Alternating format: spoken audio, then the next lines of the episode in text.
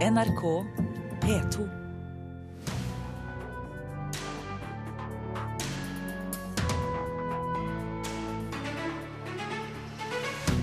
Merkedag for et av landets største og dyreste byggeprosjekt noensinne. I dag får vi vite hvor høyt og stort det nye regjeringskvartalet blir. Etter 26 år i bransjen har CC Cowboys ingen planer om å gi seg. Nå venter omfattende turné og dobbeltalbum. Bunad hijab, omstridt direktørutlysning og pompøse journalister er tema når Fredagspanelet møtes. Velkommen til Kulturnytt. Mitt navn er Stine Tråholt. I dag kommer flere av svarene på hvordan det som er et av Norges største og dyreste byggeprosjekt noensinne, vil bli seende ut. Klokken 11 legger kommunalministeren og Statsbygg fram reguleringsplanen for regjeringskvartalet midt i Oslo sentrum. Og med det så blir det trolig klart hvor høyt det kan bygges, sikkerhetshensyn som må tas, og de videre planene for utforming. Ja, Bomba gikk eh, temmelig nøyaktig eh, i kroken mellom paviljongbygget, som rakk helt til rekkverket der, og eh, i eh, den sydlige fasaden på H-blokka, inn i kroken her. Eiendomsforvalter av regjeringskvartalet Øystein Slettebø tar turen rundt delvise ødelagte regjeringsbygninger midt i Oslo. Det ser nokså dystert ut.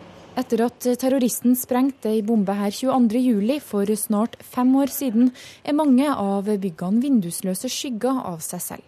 Men ikke mindre viktig, ifølge Slettebø. Det er en flott harmonisk eh, komposisjon av masse fine bygg. og et, eh, en liten reise i norsk kulturhistorie, egentlig, og i politisk historie. Klokka 11 i dag blir det trolig klart hva som skal skje med de her byggene når regjeringskvartalet skal pusses opp. Ifølge regjeringa er det allerede klart at mye omtalte Y-blokka rives. Det samme skal byggene R4 og S-blokka. Anna Lanto fyller helium på en ballong. Balloon Company, hvor hun jobber, er en av de nærmeste naboene til regjeringskvartalet. Det er eh, mye som er stengt og mye, mye, bråk, eh, så det blir vanskeligere å finne fram. Og man må gå litt omveier, spesielt for å komme seg til denne butikken. Da. Eh, akkurat de sperringene vet jeg egentlig ikke om kommer til å bli borte når det er ferdig ombygd. Men det er blant noe av det Statsbyggs reguleringsplan kanskje kan gi svar på i dag.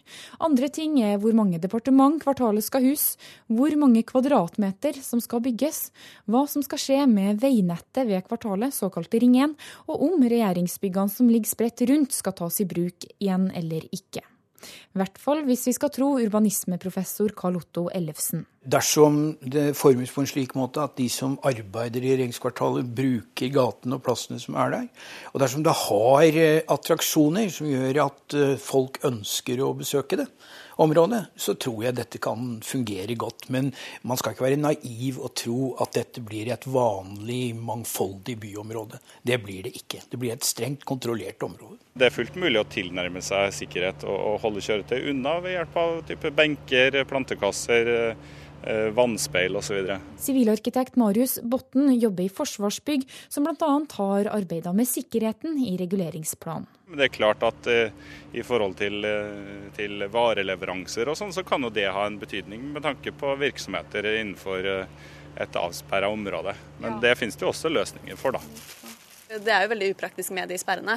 Men selvfølgelig hvis de sperrene er der for at folk ikke skal kunne kjøre inn en varebil med bombe, så er jo det egentlig ganske greit. Har du noen tanker om hvordan du på en måte selv håper at det blir seende ut, da? Uh, nei, altså egentlig så er det Jeg har egentlig ganske lenge tenkt at regjeringskvartalet ikke er så veldig fint. sånn lenge før 2011 også. Uh, så på en måte så hadde det jo vært kult hvis du kunne lage noe som uh, som så litt hippere ut, rett og slett. Hvordan hippere da? nei, jeg vet ikke. Bare ikke så mye grå betong. Det er ikke helt min greie. Reporter Marit Gjelland. Mode Steinkjer, kulturredaktør i Dagsavisen. Hva tror du blir det, det blir mest diskusjon rundt etter presentasjonen i dag? Jeg skulle til, til å si nær sagt alt uh, som er sagt uh, allerede. Uh, man skal huske at dette kommer til å være det største statlige byggeprosjektet i vår tid. man snakker ikke bare om 100 000 kvadratmeter som skal bygges, men det skal også oppfylle alle krav til demokratiske åpne prinsipper. Det er et nasjonalt anliggende, det er et kulturminne i det hele tatt. Men jeg tror nok at tilgjengeligheten og hvorvidt man greier å få plass til alt innenfor eh, dette området som da er avsatt nå til, til regjeringskvartalet, vil være det mest sånn presserende spørsmålet. Og om man skal ta i bruk eh, omkringliggende eh, bygg, eller om man skal forsøke å bygge alt inn i et ganske sikkert område. Ja, må vi forvente oss at dette blir et tett og lukket uh, område? Jeg tror vi, det er det vi må forvente. Og jeg tror at uh, uh, man tenker at her skal man sentralisere så mye som mulig. sikkerhet kommer til å veie veldig tungt. Og jeg tror at man vil kunne komme i en posisjon hvor man veldig fort merker at man får for liten plass. I regjeringsbyråkratiet, det vokser. Det har man sett de siste åra, og jeg tror at det kommer til å vokse enda mer i framtida. Ja, og så har regjeringen vært tydelig på at den mye omtalte Y-blokken skal bort, men sterke krefter vil fortsatt bevare. Er det slaget nå tapt? Jeg håper ikke det er tapt. Eh, Y-blokka er en ekstremt viktig symbolsk eh, bygning i, i dette her. Eh, og det er ikke bare pga. Picasso og Nesjar-freskene som man uansett vil måtte ta vare på, men også byggets både tilblivelse og, og, og beliggenhet akkurat i dag. Så jeg håper man kan greie fortsatt å finne en løsning for å bevare i hvert fall deler av den, men også hele øyblokka. Og så var det veien videre, for én ting er volum og høyde, men en annen ting er hvordan det vil bli seende ut, selve bygget. Hva skjer videre? Eh, nå må man jo regne med at det blir i hvert fall én, kanskje flere arkitektkonkurranser. Eh, og igjen så er det jo veldig viktig at det Eh, forutsetter en åpen og, inkluderende prosess. Eh, kanskje en masterkonkurranse først, som vil legge planen for hele kvartalet, hvordan det skal se ut som en helhet. Og så da eventuelt stykke det opp til mindre konkurranser som går på enkeltbygg.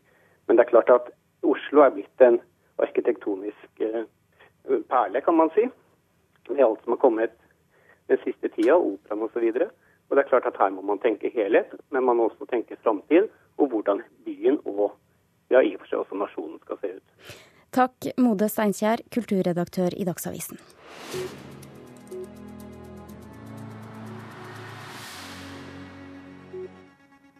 Nasjonalmuseets pressemelding om den nye direktørstillingen har fått uh, mye kritikk, mest fordi nåværende museumsdirektør Audun Eckhoff blir oppfordret til å søke. Og flere har ment at det ligger i kortene at Eckhoff vil få jobben. Og i Dagbladet i dag så tar uh, han selv bladet fra munnen, ikke sant, eh, reporter Tone Stende?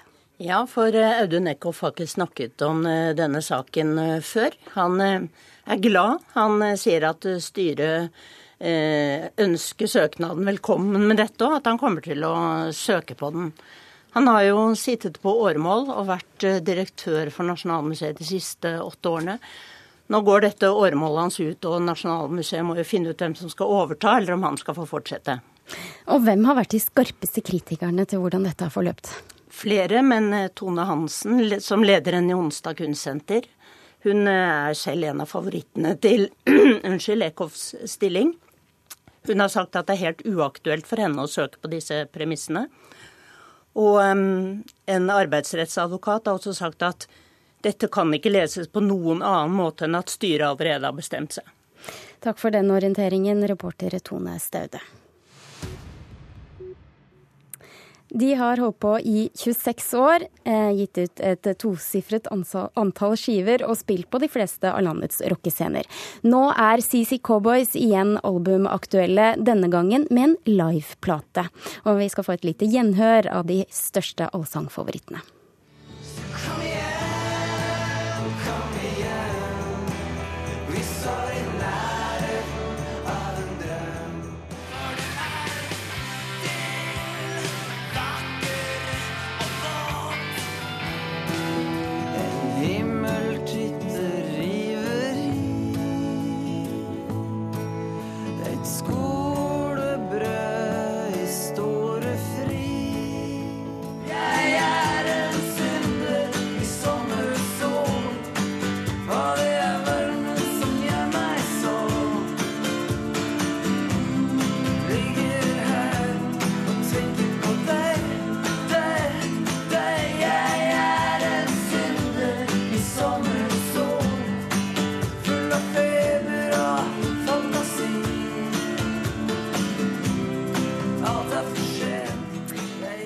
Synder i sommersol til slutt her. Dette er altså et livealbum fra 25-årsjubileet i fjor, Magnus Grønneberg. Hvorfor et livealbum? En dobbel live, det, det, må man ha i en diskografi. Det er liksom det mest breiale, det kuleste du kan gjøre, det. Uh, tenker jeg, kanskje. I dag så Gutter og jenter i dag, de, de gir ut én og én låt, og det streames, og det er jo ikke så Det å i hele tatt gi ut en langspillplate ja, Ser du på det som en viktig oppgave nå? Nei, altså Jeg følger bare med i tiden, jeg. Ja. Men vi, er, vi, har holdt på lenge. Vi har masse låter. Og vi, vi selger fortsatt plater. Altså CD-er, vinyler. Og jeg kommer jo fra den generasjonen hvor det, hvor det var vanlig, på en måte. Hva tror du er grunnen til at dere selger plater fortsatt? Det har vel noe med um, historikk musikken. Eh, at som jeg sier, vi kommer derfra, og vi har stort publikum. Og mange av de har jo fortsatt eh, til og med CD-spillere fortsatt. Eh, selv om vi streames mer og mer, vi òg. Og vinyler og mm, Ja. Det er sånn musikk, da. Det er gitar, rock, live. Veldig sånn levende. Og folk vil ha det. Ikke bare én låt, ikke én, men de vil ha mange låter. Men så sammenligner du dette nye livealbumet med et fotografi. Hva legger du i det? Nei, men jeg sier at det, jeg tenker at det, liksom, det å En konsert er liksom øyeblikkets kunst. Det er der og da. Så er det over. Og da står han, henne, de, dem. Øl og allsang og, og god stemning, og så er det over. Og det å liksom fryse det og, og, gravere det og lage plate ut av det. Så blir det mer en stemningsrapport. Det er jo ikke, det er jo ikke konserten. Konserten har vært. Mer, og da er det mer et slags bilde fra en ferie eller fra en fest. Altså Det kan fortelle noe om en stemning, noe som har skjedd. Og det er det vi driver med. Vi gjør jo 30-40 konserter i året hvert eneste år. Og nå har vi starta på en ny turné.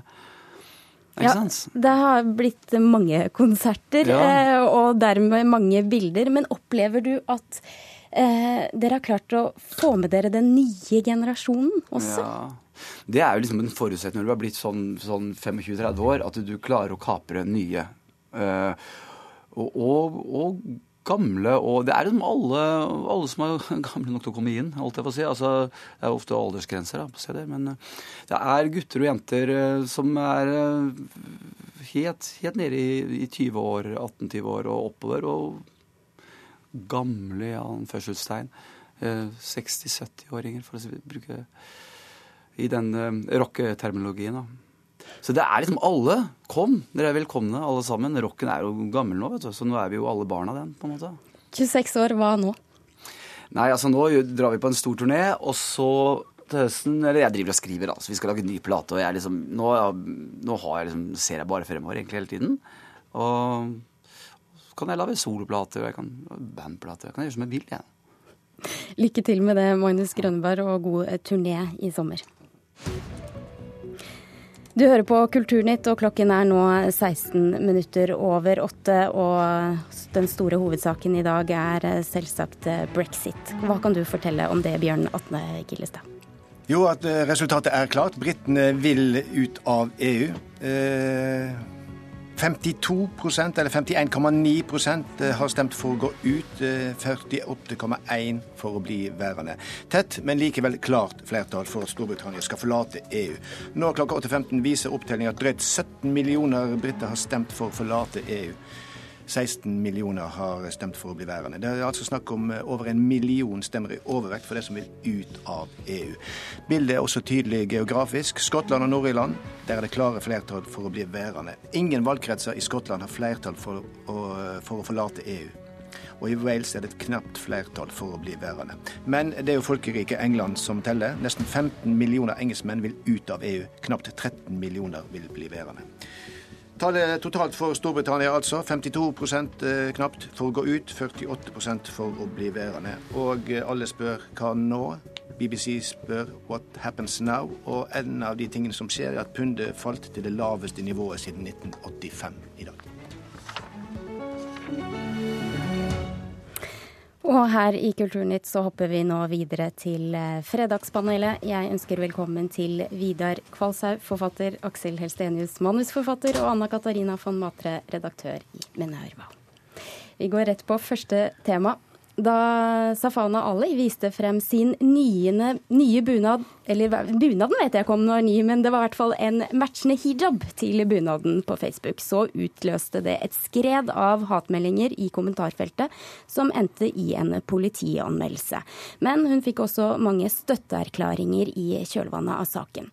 Spørsmålet vårt er vil det være en idé f.eks. For, for Husfliden eller andre produsenter nå å kaste seg over denne ideen og lage bunadhijaber? Vidar Kvase. Ja. Aksel Helstenius. Nei. Anna Katarina von Matre. Ja. ja. Nei. Aksel Helstenius. Ja, da begynner ballet. Nei, dette blir veldig personlig, men jeg er jo da prinsipielt helt uenig at noen skal pålegge noen å kle på seg noe. Om det er Amish-folket som skal ha på seg 1800-tallsklær, om det er Atatürk som sier at alle menn skal gå med vestlige hatter, om det er eh, jødene som skal ha krøllete hår og store svarte hatter og sånn. Alt dette her for meg handler ikke dette om Gud. Altså At Gud mener at noen skal gå med sånn. Jeg er helt sikker på at Gud er superhappy med utslått hår og, og hodebunner og, og, sånt noe. Så for meg er, handler dette om at mennesker pålegger andre mennesker å gå med noen klær.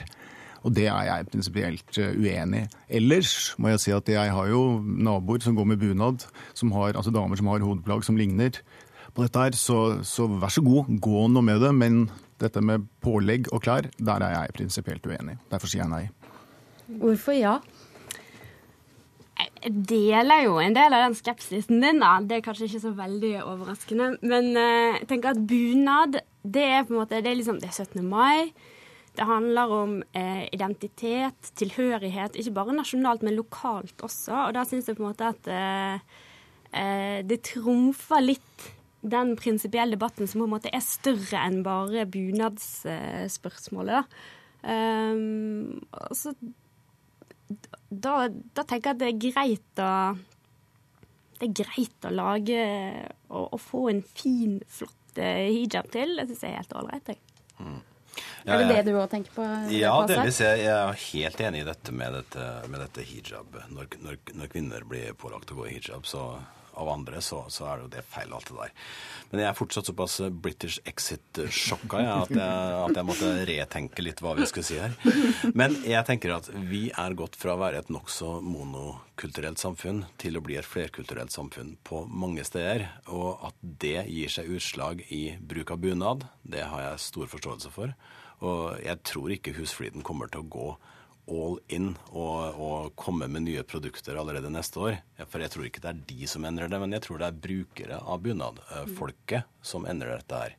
Og så er det et kommentarfelt, og det er jo en rasende vill ting uansett. Så eh, om noen år så, så ser vi kanskje at det er greiere. Og så sa jo forfatteren av Norsk bunadleksikon til Kulturnytt denne uka da, at det er ikke så veldig ulikt hvis vi ser kulturhistorisk sett på det, det kvinnehodeplagget man brukte og en hijab. Er det ikke da på sin plass å matche litt? Akkurat som man gjør med hårbånd. Jo, men der, for meg er det prinsipielt. Jeg ser veldig få kvinner. Dere sitter jo her, helt uten noe på hodet og sånt nå. Jeg tror dere ikke er interessert i å bli fortalt hva dere skal ha på hodet. Så hvis dere har lyst til å ta på det, ja, gjør det. Men jeg tenker at på 100 år så, jo, så, er det jo færre og færre kvinnelige hodeplagg. Så Det er i hvert fall den utviklingen som har vært i Norge, da. Er du i ferd med å ombestemme deg nå, Anna Katarina? Nei, nei, nei, så litt OK, da går vi på neste tema, vi. Eh, en eh, pressemelding som vi har hørt om tidligere også i denne sendingen, om utlysningen av en av de viktigste jobbene i Kultur-Norge, nemlig direktørstillingen til Nasjonalmuseet, har fått mange til å stusse. Det ble informert da om at åremålsstillingen til Audun Eckhoff, direktøren, går ut neste år, og styret har besluttet en full utlysning. Men pressemeldingen presiserer også citat, at de håper på en god tilgang av søkere, inkludert nåværende direktør. Er det egentlig noe vits i å søke på denne stillingen med mindre man heter Audun Eckhoff, eh, Vidar Kvalsøy? Nei. Anna Katarina von Matre? Ja. Aksel Helsenes? Absolutt, ja. Interessant. Jeg syns jo dette først og fremst er en veldig pussig annonse. Det kan godt hende at uh, tanken i styret var klar. At ideen om at nå skal vi, uh, skal vi utlyse for å se om det er noe større fisk i dette vannet, Men måten det kom ut på, eh, formuleringene og alle som skal søke en sånn jobb, de leser sånne annonser veldig nøye og ser på, en, på ethvert komma, enhver, enhver syntaks, som en uh, mulig, mulig, trussel. Så jeg tenker, hva om eh, det om du havner på denne lista, og Audun Eckhoff får den, altså jeg tenker dette er den søkelista du, i, i, verden du ikke vil være på. Den er offentlig også. Dette er en list of shame, tror jeg det blir. Ja, altså jeg har jo da vært frilans i 30 år, så jeg vet jo ingenting om å være fast ansatt og fast ansettelsesprosesser. Men jeg har en kone som er i skolen, og jeg vet jo det at når de har en lærer som de gjerne vil ha i en stilling, så må de allikevel gå ut og annonsere etter den. Men så tenker jeg også at så skjer det jo av og til at de får inn da søkere som faktisk er enda bedre enn denne læreren som de vil ha. Og så blir det da et, eh, et skifte. Og jeg tenker at det finnes sikkert en som er enda bedre enn Audun Eckhoff eh, der ute. Og hvis hun eller han søker, så syns jeg hun skal gjøre det. Og dette er vel også noe de må. Jeg som da er helt på utsiden, jeg så jo ikke at det var noe rart i den stillingsinstruksen i det hele tatt. Jeg tror det må være årets mest motvillige uh, utlysning. Men ironisk nok så tror jeg det kan faktisk gjøre det enklere for folk å søke den stillingen, hvis han likevel kommer til å søke. Det var utrolig klønete av styret å ordlegge seg sånn. Fordi, fordi at eh, det er på en måte kjent i offentligheten nå at det er en slagside i det styret, og alle syns at dette her var ganske ganske dårlig håndtert. Men hvorfor tror dere at denne eh, formuleringen kom med på den måten det gjorde? Jeg tror nok det er sånn som du sier, at de har tenkt at de er, de er jo tross alt fornøyd med Audun Eckhoff, men de, de, må nesten lyse ut stillingen. Uh, og så har de på en måte blandet det sammen. Uh, og trodd at de var prinsipielle, sånn som de sa, men det var jo ganske lite prinsipielt å lyse ut på denne måten her. Ja, og tenk da om det skulle komme en større fisk og Audun Eckhoff skulle bli satt til side, så ville det jo være å gi ham sparken i, i en, en, en, nær ydmykende hva skal jeg si, en, på en ydmykende måte. Fordi det er, jo, det er, jo, ofte sånn med åremål at enten så får du side opp, eller så blir det avslutta av styret lenge før det kommer til en, den type avisannonse og den type prosess. Ja, ok. Jeg bare sier at Dette skjønner jeg ikke noe av. men nå har det, du skulle, du skulle forsøke å være ansatt, Aksel. Men i Dagbladet denne uka så gikk Tone Hansen, eh, direktør ved Henny Onsdag Kunstsenter, en aktuell og kompetent kandidat, ut og sa at hun ser ingen vits i å søke stillingen. Nei, så da, da har hun helt sikkert rett. Hun vet sikkert mer om dette enn meg. Men jeg tenker at det er sikkert andre som ikke er som henne, og som eh, Jeg, jeg håper jo i hvert fall det. Det fins mange gode kandidater der ute. Og jeg vil tro at uh, det må komme en form for presisering fra styret når de faktisk lyser ut stillingen. For det har de ikke gjort ennå. Det er jo også en uh, greie i den saken. Mm. Hva tror dere syns dere det, Audun Eckhoff? Uh, Fortsett. Vanskelig spørsmål. Jeg tenker at Når du sitter i en sånn, altså en sånn, utviklingsprosess, når du skal bygge et helt nytt, eh, så svært bygg, og du har ledet det, så, så, skjønner jeg jo at man har lyst til å fortsette å gå hele veien og stå der og se det bli gjennomført og komme inn i nye former. Det skjønner jeg. Så at han har lyst på den, det forstår jeg veldig godt. Mm.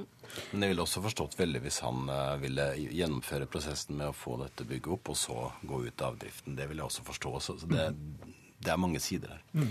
Skal vi hoppe over til journalistene, da, for mange av dem setter eh, seg selv i sentrum og får store tragiske hendelser til å handle om dem selv. Og noen ganger så står journalistene i veien for sakene. Det sa journalist Mina Gabel Lunde om sin motivasjon for å bidra til den anonyme Twitter-kontoen Fru Hjort.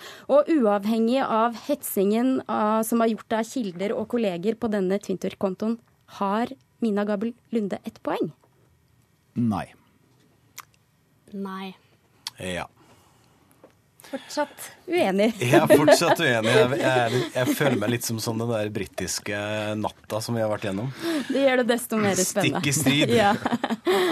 Hun har jo et visst poeng. Jeg har sjøl blitt hersa med i den kontoen og, og, og syns det var festlig, men jeg har sett det som virkelig ikke var noe spesielt festlig, og som var bare ondsinna og, og nedrig.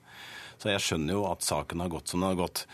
Det sagt, uh, hun har et poeng fordi medieverdenen har gått mer og mer mot uh, fokus på fortelleren, like mye som fortellingen. Det er, blitt, det er jo direktesending for enhver minste fjert i dag. Og det står folk der og venter og snakker og venter og snakker, og, de er talking heads. Og dette har også flytta seg litt over mer og mer til, til kommentar, uh, kommentatorene som det her har gått i all hovedsak utover. Så jeg forstår eh, litt av hva hun prøver å si, men måten det er sagt på er jo helt håpløst. Og det har jo Dagens Næringsliv agert på nå. Hvem vil? Kjør på.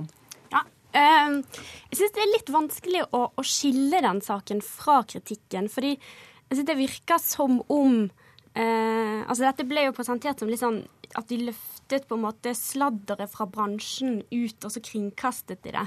Og det var liksom det som var kult da, med denne kontoen. Um, jeg tenker at det er jo ikke spesielt kult og uh, ganske interessant. Men, men det, det preger, kritikken preges litt av det. fordi at jeg tror dette har også noe med å gjøre med at det, dette er folk som er venner på eh, Facebook, f.eks. Det handler liksom om, om, mer enn hvordan journalisten fremstår der og da i sending på TV eller i en kommentar i avisen.